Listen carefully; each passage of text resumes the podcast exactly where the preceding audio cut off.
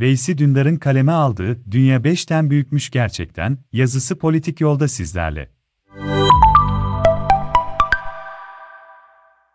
Dünya 5'ten büyüktür sloganının patentinin acilen alınması gerekiyor. Çünkü Erdoğan bunu yapmazsa Zelenski yapacak. Rusya sadece kendi dahil 5 ülkeyle, kendisinin Ukrayna'da ne kadar yerinde bir hareket yaptığına dair oylamadan destek buldu. Rusya'nın Ukrayna'yı yerle bir edebileceğine dair bir kuşku bulunmuyor. Ama bunu ancak atom bombası ile yapabilirsiniz. Kendi sınırları dahilinde takılan ülkeye atom bombasını ancak bir deli atar. Putin'de sağlıklı düşünme yetileri bayağı azalmış olsa da henüz delirmedi. O yüzden konvansiyonel silah ve yöntemlere başvurmak zorunda. Fakat ne yaparsa yapsın gerçek değişmeyecek. Tereddütsüz olarak dünyanın üzerinde asılı kalacak. Rusya raconu bozdu bozdu. Racon neydi? Racon sevgi miydi, emek miydi? İkisi de değil 1648 yılında Westfalya'da yazılmıştı racon. O sınırı geçmeyeceksin. Sınırı geçen cezayı öder. Uluslararası ilişkilerin 1648'ten bu yana kuralı bu. Rusya camı kırdı, alarmları çaldırdı. Macunu tüpten, cini şişeden çıkardı. Bundan sonra masayı deviren masayı toplamakla mükellef. İktidar blokunu Rusya-Ukrayna arasındaki savaşta kıvranırken görmek oldukça üzücü. Tam olarak anlamadılar ne olduğunu. Putin reisin, dostum Putin'in saldırganlığına,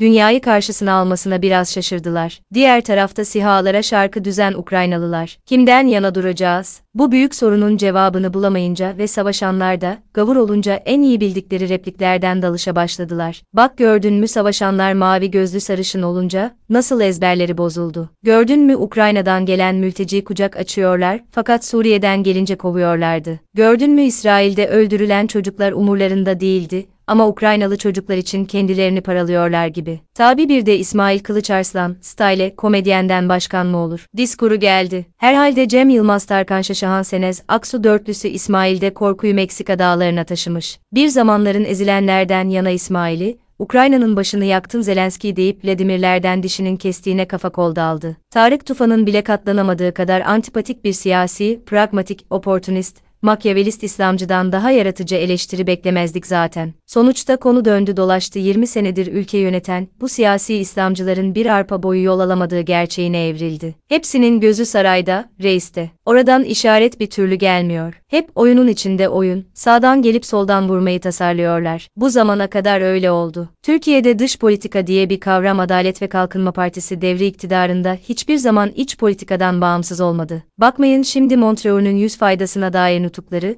bu ülkede Cumhuriyete perde arası tanımlaması yapan cüretin derdi ideolojikti ve bu hayal onları 20 yıl efsunlu bir halde yaşattı. Bu noktada dün Meral Akşener'in kitabın tam ortasından konuşup Aknin ve onun yandaş ekibinin deyim yerindeyse içinden geçişini tüylerimiz diken diken izledik. Hiç lafı evirmedi çevirmedi Akşener, kibarlığa gerek yok dedi. İki ay yaş dediklerinden birincisinin Atatürk, bir, Dünya Savaşı'ndan bir ülke çıkaran bir dahi. İkincisinin İnönü, 2. Dünya Savaşı'nda ülke yıktırmayan bir deha olduğunu bağıra bağıra söyledi. Bununla da yetinmedi Atatürk'ün annesi için genel evde çalıştı sözlerinin söylendiğini haykırdı. Akşener'in bu lirik konuşması çerçevelenmelidir. Adalet ve Kalkınma Partisi kadroları ekonomi bilmiyor, matematik bilmiyor, dış politika bilmiyor, siyaset bilmiyor. Bildikleri tek şey kurumlarının üstüne basa basa gelip, kurumlarının içini boşalttıkları ülkenin sonsuza dek kendilerince yönetilmesi. Ukrayna-Rusya savaşının ülkesini demir yumrukla yöneten bir liderin yapacaklarının sınırını göstermesi bile onlarda herhangi bir etki yaratmıyor. Tarihi, olayları her zamanki gibi eğip büküp reisinin gözünden zihnine okumaya çabalıyorlar. Rus uçağı düştüğünde arsızca alkış tutan, Ecelki Mutlak, Kara Cahil,